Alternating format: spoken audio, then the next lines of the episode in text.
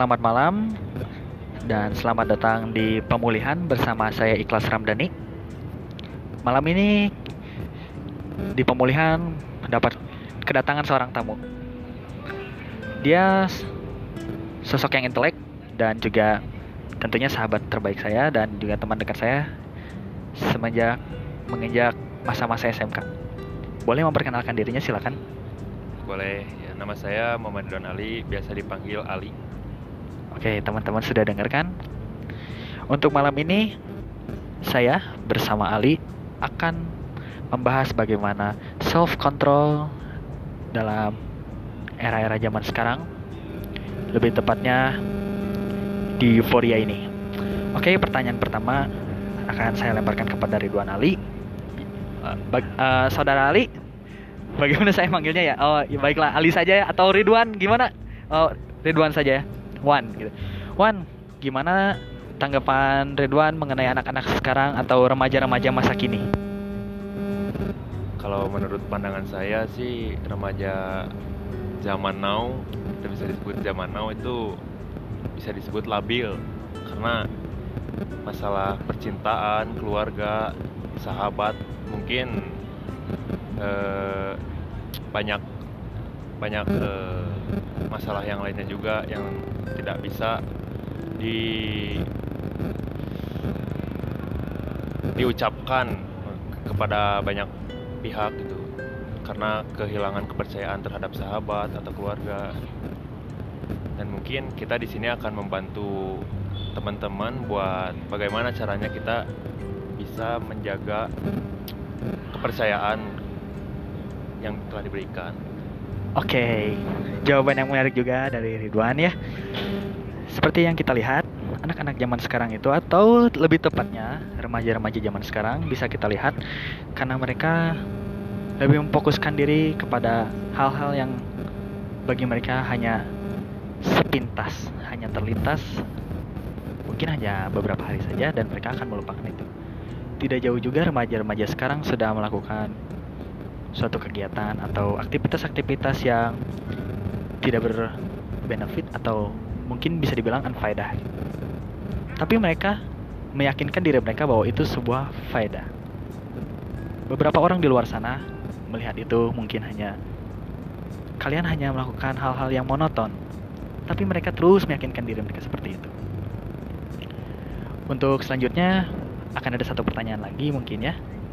Dan mungkin masih banyak pertanyaan yang masih banyak akan terus saya pertanyakan kepada Ridwan karena ini bisa mencakup untuk pemulihan diri kita sendiri malam hari ini ya.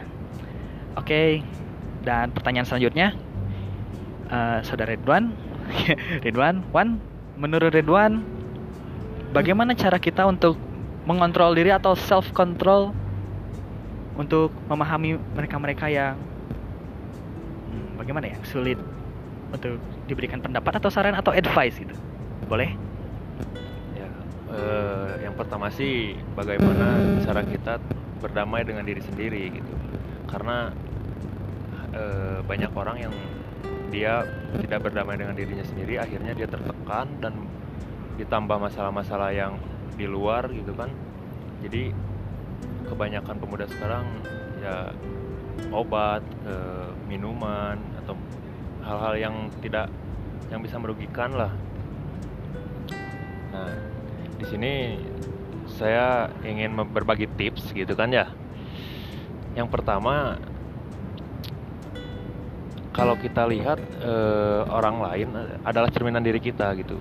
Karena bagaimana perilaku orang lain terhadap kita sama dengan bagaimana perilaku kita terhadap orang lain.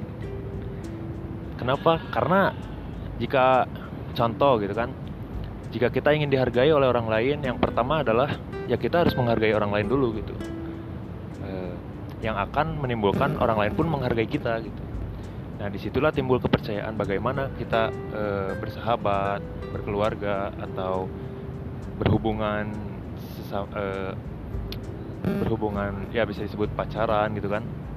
Nah yang kedua adalah bagaimana diri kita setiap harinya itu harus meningkat gitu Eh, dengan cara memperbaiki diri kita mungkin banyak orang yang tidak sadar gitu bahwa diri mereka menurut mereka gitu ya fine gitu kan tetapi kan kita harus melihat banyak sisi gitu bagaimana jika orang lain eh, kehilangan empati gitu kan ada masalah tentang keluarga atau sahabat gitu. nah bagaimana di situ kita masuk untuk sebagai apa ya namanya sebagai teman curhatnya gitu kan. Dia orang-orang yang seperti itu kan butuh masukan butuh tempat bercerita agar eh, minimal dia plong gitu telah menceritakan apa yang dia kes, eh, keluh kesahkan gitu. Nah di zaman sekarang itu kan cuma se- segelintir orang gitu yang bisa memahami kondisi seperti itu gitu. Gitu sih ikhlas. Wow, mungkin bukan mungkin lagi ya, tapi wonderful.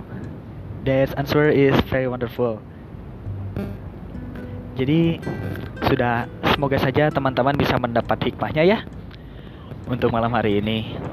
Dan oh, saya lihat sepertinya Ridwan mempunyai satu tambahan. Boleh Ridwan Ali, silakan.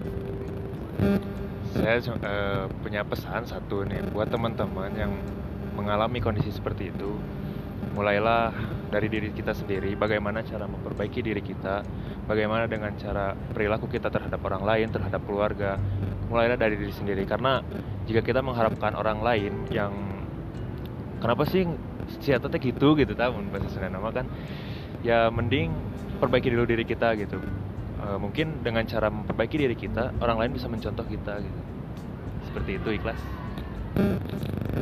Tambahannya bagus juga ya? Bukan bagus juga, tapi memang bagus, gak pakai juga.